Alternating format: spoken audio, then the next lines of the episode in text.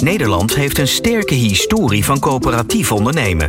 Coöperaties leveren een belangrijke bijdrage aan de economie. Het aantal coöperaties groeit snel. Nederland telt er inmiddels meer dan 3300 in verschillende sectoren en het publieke domein groeit snel. Een coöperatie is uniek en verschilt in veel opzichten van andere organisatievormen. Maar wat is een coöperatie eigenlijk? Welke rechten en plichten heb je? Hoe hou je leden betrokken? Laat je inspireren en leer van elkaars ervaringen in de coöperatiepodcast van NCR, de Nationale Coöperatieve Raad. Goeiedag allemaal, van harte welkom bij deze aflevering van de reeks podcast voor de Nationale Coöperatieve Raad, ofwel NCR. Vandaag vanuit deze radiostudio hier in Hilversum. Straks ga ik het met Arjan van Nuland hebben, de directeur van NCR, over 3 juli, want dat is een hele speciale dag voor alle coöperaties wereldwijd. Nu in de studio twee coöperaties die vertellen over hun coöperatieve verhaal en ontstaanswijze. Om precies te zijn, Hans Stapel, welkom. Je bent manager coöperatieve zaken van Coop Supermarkten. En naast jou Monique Zweep, directeur van het Zuid-Hollandse Delta Wind. Welkom. Want ja, coöperaties, dat is een uh, bijzondere ondernemingsvorm. Hè? Dat ja. heb ik al eerder gehoord hier. Vaak ook met een bijzonder verhaal. Monique, vertel eens, hoe, hoe lang bestaat uh, Delta Wind nu? Delta Wind bestaat ruim 30 jaar. En wij zijn ontstaan in de tijd dat uh, uh, Chernobyl uh, de ongeluk plaatsvond en Club van Rome rapport werd gepubliceerd. Turbulente tijden. Ja, turbulente tijden. waarschuwingen voor wat, hè, wat we de aarde aan het aandoen waren. En we hadden lokale ondernemers, of ik moet zeggen lokale, um, vonden dat ze daar echt zelf iets aan moesten gaan doen. Ja, want daar is jullie coöperatieve verhaal begonnen. Dat klopt, ja. ja. Um, een van onze inwoners die verkocht uh, kleine windturbinetjes aan, uh, aan agrariërs. En die realiseerden zich dat je voor pakweg uh, 80.000 gulden in die tijd een turbine kon kopen. En hij dacht, waarom doe ik dat niet met een aantal mensen hier op het eiland? Slim. Dus uh, Goeree-Overflakke is natuurlijk een duidelijk afgebakend gebied. Dus we gaan, laten we kijken of we dat met elkaar kunnen oppakken. Ja, en wat was, um, was dat meteen een succes? Hoe, hoe is dat ontwikkeld? Wat is daar ja, opvallend aan geweest? Een, een, een, belangrijke stap die is genomen is dat uh, de energie moet natuurlijk verkocht worden van zo'n uh, van zo'n molen. En toen zijn ze bij de lokale energiecoöperatie of de energiebedrijf terechtgekomen, wat destijds nog bestond. En die zei: Ja, het is wel leuk, duurzame energie, maar wie wil dat afnemen? Dus laat jullie maar zien dat er honderd mensen zijn die dat willen afnemen. Nou, dat is de start van de coöperatie geweest. Of van de keuze om het dus in een coöperatie te gaan organiseren. Zodat iedereen mee kon praten. Want die honderd partijen die waren zo bij elkaar? Ja, dat is echt een kwestie geweest van huis aan huis uh, het verhaal vertellen. En overal waar je kwam uh, het, het, ideaal vertellen van wij gaan onze eigen duurzame energie realiseren. En dat, uh, dat kunnen wij. En daarmee maken wij ons ook los van grote energiebedrijven. Dus we worden zelfstandig. Mooi, die zelfstandigheid uh, vanuit de, de, de core uh, van de wens, hè, dat wens. Ik kijk even naar jou, naar jou Hans, want wat is het? Uh, iedereen kent de koopsupermarkt wel zo'n beetje, mag ik wel zeggen in Nederland, hoop ik. Waar is jullie verhaal begonnen? Wat is het verhaal van de nee, coöperatie? Ik kan er 100 jaar aan toevoegen, dus 130 jaar geleden, 1891. Daar kun je zeg maar ons huidige bedrijf terugvoeren tot een coöperatie die toen is opgericht. Maar het was eigenlijk met een beweging in die periode. Uh, een coöperatieve beweging van arbeiders die zelfstandig levensmiddelenwinkeltjes begonnen. Echt winkeltjes. Dat deden ze samen. Uh, met als primair doel te voorzien in betaalbare levensmiddelen en betrouwbare levensmiddelen. Je praat over een tijdperk waarin er sprake was van urbanisatie. Uh, mensen gingen het ook aan de stad. kapitalistisch ondernemerschap, industrialisatie. Uh, in de fabrieken verdienen de arbeiders echt hongerloontjes. En mochten dan ook nog eens verplicht in de fabriekswinkel hun levensmiddelen kopen. Daar waren ze klaar mee, zeg maar. En ze hebben ze elkaar verwonden. Ze hebben zich geëmancipeerd, zou je kunnen zeggen. Ze wel bij geholpen door de progressieve elite vaak. Dominees, onderwijzers, uh, artsen. En, en zo zijn er kleine celletjes eigenlijk ontstaan. Kleine coöperatieve bedrijfjes in levensmiddelen. Daar liggen onze wortels. Ja, het is mooi. En, en, eigenlijk is dan in één keer eh, besef ik dat 100 jaar helemaal niets is. Als je kijkt naar de ontwikkeling vanuit daar naar waar Koop nu staat. Maar dat geldt misschien voor een Delta Wind ook wel. Valt mij op dat die coöperaties in vrij korte tijd toch wel zijn opgekomen. Hoe, hoe zit dat dan uh, nu met de huidige tijdsgeest? Dan kijk ik even naar jou, Monique. Wat, wat is er veranderd en hoe ga je om met de huidige tijdsgeest dan? Want dit is heel duidelijk. Hè? Er was toen nog niets eigenlijk en dus kwam er iets. Het is heel plat.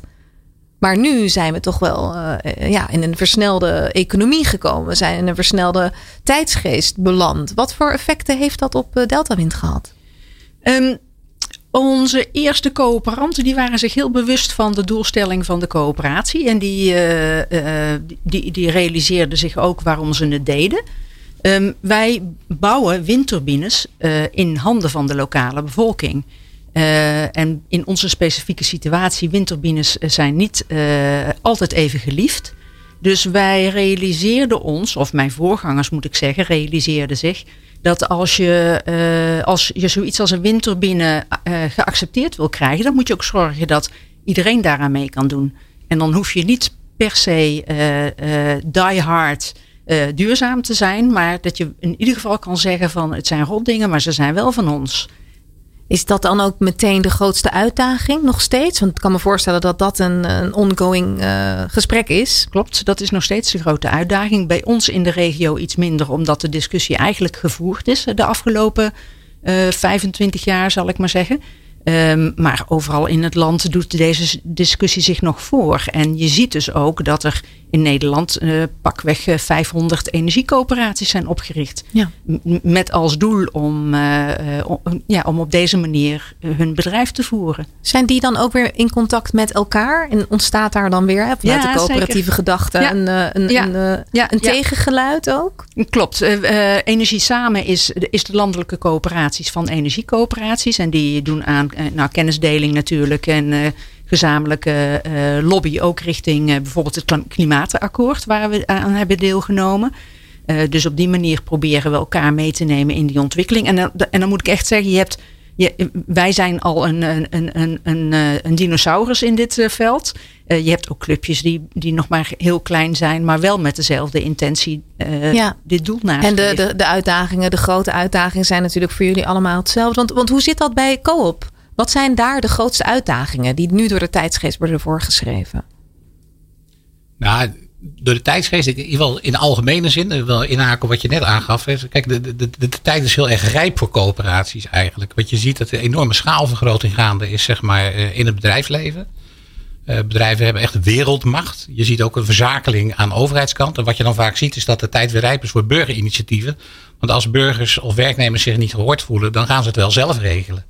En je ziet ook dat de coöperatie een van de snelst groeiende ondernemingsvormen is ter wereld. Als je naar het aantal coöperaties kijkt. En niet alleen coöperaties, ook wel commons genoemd. Hè. Er zijn heel veel collectieve initiatieven. Uh, in de sector cultuur zie je mensen dingen samenrapen. Zeggen dat gaan wij samen doen. Het gaat ons niet om de winst. Maar we willen vooral dat we het leuk hebben. Goed hebben samen. Uh, op landbouwgebied zie je dit soort initiatieven. Uh, ik woon zelf in Nijmegen. Daar zit een groepje. Die maken zelf de beste fiets maar die willen vooral de beste fiets maken. Niet om geld aan te verdienen. Maar die maken mooie wielrenfietsen fietsen samen.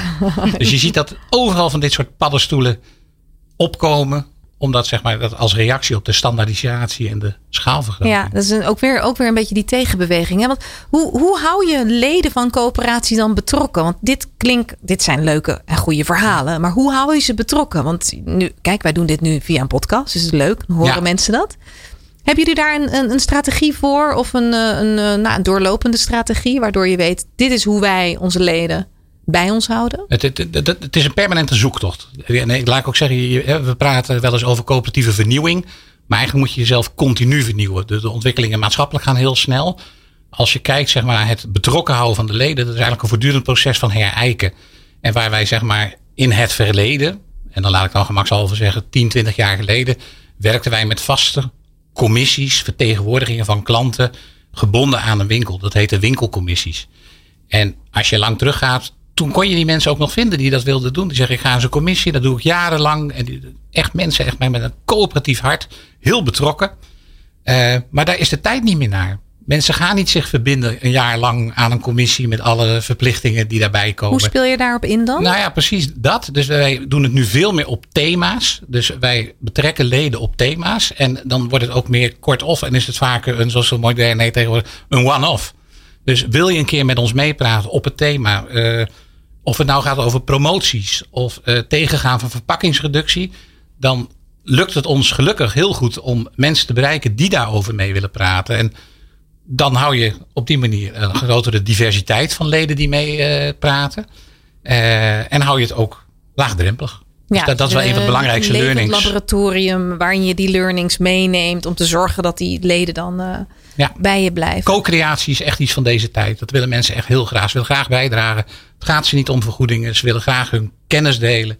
Dus daar profiteren we graag van. Uh, op Snap die ik, zeker als je, als je in, die, uh, in die branche zit. Want Monique, bij jullie, de, de, um, de grootste uitdagingen die zijn denk ik uh, wel helder. Die schetste je. Maar hoe houden jullie, de partijen en jullie leden, betrokken op een maniertje nou, waar, je, waar je tevreden mee bent? Nou, ik herken me in wat Hans zegt. Je, je bent continu aan het zoeken wat, je, wat je kan doen.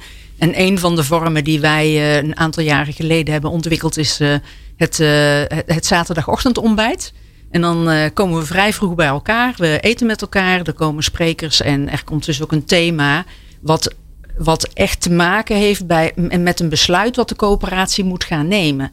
Dus het is een soort, wij noemen het een ledenraadpleging. Om mensen mee te laten praten. En dan uh, op een leuke manier. Hè. Het is eenmalig. Uh, bij de ene zie je weer andere mensen binnenkomen dan bij de andere onderwerp.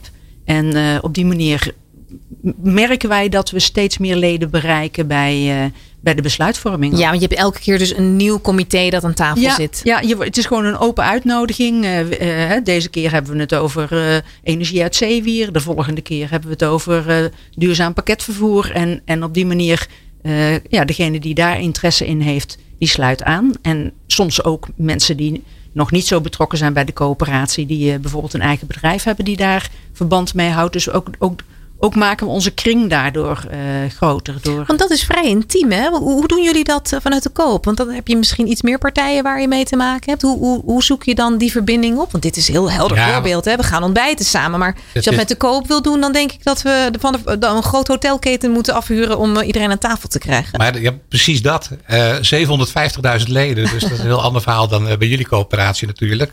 En die, het is een illusie om al die 750.000 leden betrokken te houden.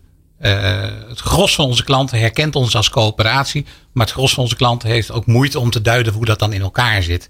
Dus je hebt te maken met een relatief kleine vertegenwoordiging van mensen die echt het coöperatieve verhaal snappen en daaraan willen bijdragen. Maar wij zijn heel gelukkig met het feit dat we hebben een digitaal panel. Daar zitten een kleine 10.000 mensen in. Dan zou je kunnen zeggen op 750.000 is dat misschien niet zoveel, maar het is echt heel veel. Daar leggen we onderzoeken voor en daarmee komen echt gewoon relevante en, en uh, ja, hoe zeg je dat? Statistisch significante uitkomsten die ons helpen, zeg maar, in onze koers en onze beleidsvoering. Dus en je ziet de resultaten daar ook van terug? Merk ja, ja dat, dat, en dat is ook wezenlijk. Hè? Want als je dat niet doet, dan haken die mensen ook af. Precies. Dus ze, ze, ze helpen richting te geven. Ze dragen op die manier bij uh, aan een betere supermarkt. Dus dat is de basis uh, voor hun. Uh, dus ja, dat met name. Dus niet de illusie hebben dat je ze alle 750.000 actief krijgt. Overigens is dat wel een spoor waar we naar kijken. Niet alle 750.000, maar er komt uh, in de loop van volgend jaar, hoop ik, een app. Een app waar we echt ook, zeg maar, dat niet alleen voor het ledenvoordeel is. Hè, zeg maar het individuele klantvoordeel wat je daarop gaat uh, presenteren.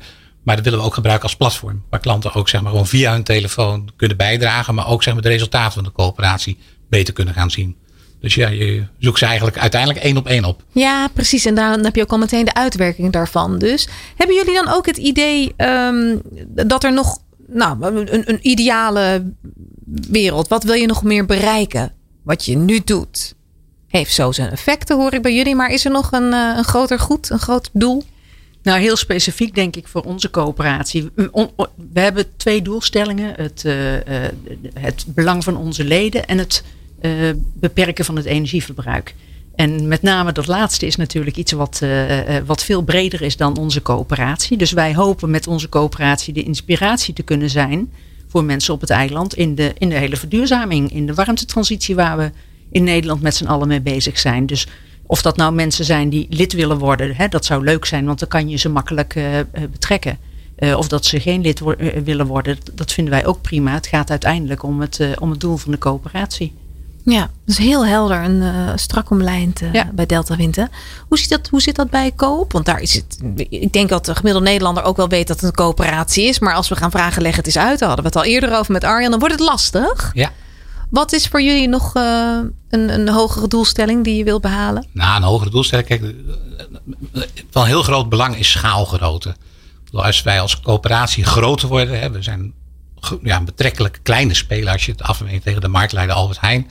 Wij zitten rond de 4% marktendeel. Albert Heijn zit rond de 37, meen ik. Dan, dan heb je als kleine speler een stukje achterstand. Dus schaalgrootte helpt ons om de dingen beter te doen. Dus dat, dat is natuurlijk een primaire ambitie. Dus dat is een redelijk bedrijfsmatige ambitie ook. Het, het, moet groter, het moet efficiënter, zodat we het beter voor de leden kunnen doen. Meer dingen zelf kunnen doen, minder afhankelijk worden. Dus dat, dat, daar zit denk ik een kernambitie uh, voor co-op. Nou, mooi.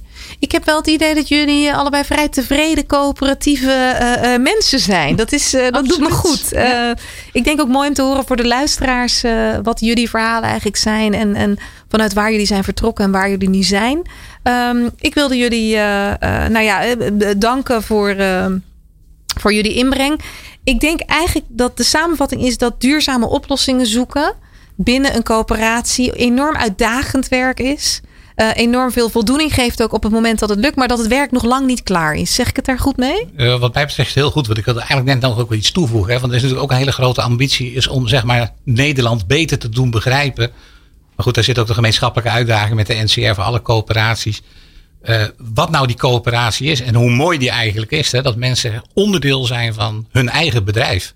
En daaraan bijdragen, het sterker kunnen maken in hun voordeel. En als dat beter begrepen wordt, dan is dat wel heel wezenlijk voor het succes van niet alleen co-op, maar alle coöperaties. Ja, mooi gezegd. Dat is dus ook precies waar de NCR natuurlijk uh, continu uh, voor op de boeg staat. Ja. Nou, hartelijk, hartelijk dank voor jullie uh, inbreng. En veel succes Dankjewel. Dankjewel. Samen staan ondernemers sterker. Ontdek de kracht van de coöperatie en luister naar alle afleveringen van de coöperatiepodcast van NCR. We gaan het hebben over 3 juli. Een speciale dag, wereldwijd voor alle coöperaties. En daarover praat ik vandaag met jou, Arjen van Nuland, directeur NCR. Goeiedag. Goedemiddag. Alles goed? Ja. Nou, wat fijn. Ja, heel goed. Je ging mij wat meer vertellen over wat er die dag allemaal gaat gebeuren. Ja, 3 juli is een dag die uh, ieder jaar gevierd wordt. Het is een uh, internationale dag van de coöperatie. Altijd de eerste zaterdag van juli. Uh, mondiaal zijn er meer dan 1 miljard mensen lid van een coöperatie. In Nederland 25 miljoen. En toch is het nodig om de coöperatie extra onder de aandacht te brengen. Tja, dat snap ik. Hoe komt het dat wij nog zo weinig kennis hebben? We hebben het afgelopen jaar een keer laten onderzoeken door Motivation, een onderzoeksbureau. En daaruit bleek dat bijna iedereen de coöperatie wel kent. Maar bijna niemand weet precies wat de coöperatie inhoudt en wat het kan betekenen voor hen. Maar daarom is 3 juli dus ook voor jullie hier in Nederland een mooie dag om, ik begreep, een toolbox aan te bieden. Waarmee partijen, uh, leden van coöperaties ook zelf hun achterban kunnen doseren over coöperaties. Ja, we hebben twee, twee actielijnen erin. Eén is dat wij proberen bij het brede publiek de coöperatie onder de aandacht te brengen. Mensen die de coöperatie niet kennen als lid. Zodat ze leren wat de coöperatie voor hen kan betekenen. Om mensen die misschien zelfstandig ondernemer zijn, wat dat zou kunnen betekenen om samen te kunnen ondernemen. En daarnaast helpen onze leden, de coöperaties, om bij hun leden achterban beter bekend te maken wat de coöperatie precies inhoudt. En daarvoor hebben we een toolbox ontwikkeld met onder andere animaties en dergelijke en uh, interviews, zodat ze het verhaal sprekender kunnen maken. Ja, en jullie gaan ook iets met doen met nationale televisie, begrijp ik? Ja, op 3 juli, dus die dag zelf, die zaterdag, komt er een item op uh, RTL Z en RTL 4. Wordt een paar keer herhaald ook om het bredere publiek ook kennis te laten maken met de coöperatie. Ja, dat lijkt me, dat lijkt me na alles wat ik heb gehoord ook wel nuttig. Dus dat is interessant voor iedereen die nog niets weet van coöperaties en de mensen die al diep in de filosofie van de coöperatie zitten. Ja, ik denk met name ook voor die groep die het, die het nog niet kent, kan, kan een coöperatie heel veel betekenen. En dat is iets wat we de komende tijd ook verder willen uit gaan bouwen. We zien dat, uh, dat heel veel nieuwe initiatieven ontstaan bij bijvoorbeeld zelfstandige ondernemers die uh, toch willen samenwerken in een coöperatieve vorm. Nou, voor die mensen willen juist het, uh, de blik op de coöperatie zetten. Ja, dus niet alleen maar kijken naar een VOF of naar een BV of naar een ander type entiteit, maar ook gewoon eens met een goede blik uh, kijken naar wat een coöperatie voor je kan betekenen. Juist, het coöperatief alternatief zoals we dat noemen. Het ja. coöperatief alternatief. Nou, dat vind ik een mooie afsluiter. Dankjewel en veel succes 3 juli. Samen het goede doen. Ontdek de kracht van de coöperatie. Luister naar de coöperatiepodcast. Bedankt voor het luisteren naar de Coöperatiepodcast. Een initiatief van de Nationale Coöperatieve Raad. Wil je reageren? Stuur een mail naar info.coöperatie.nl. Graag tot een volgende aflevering.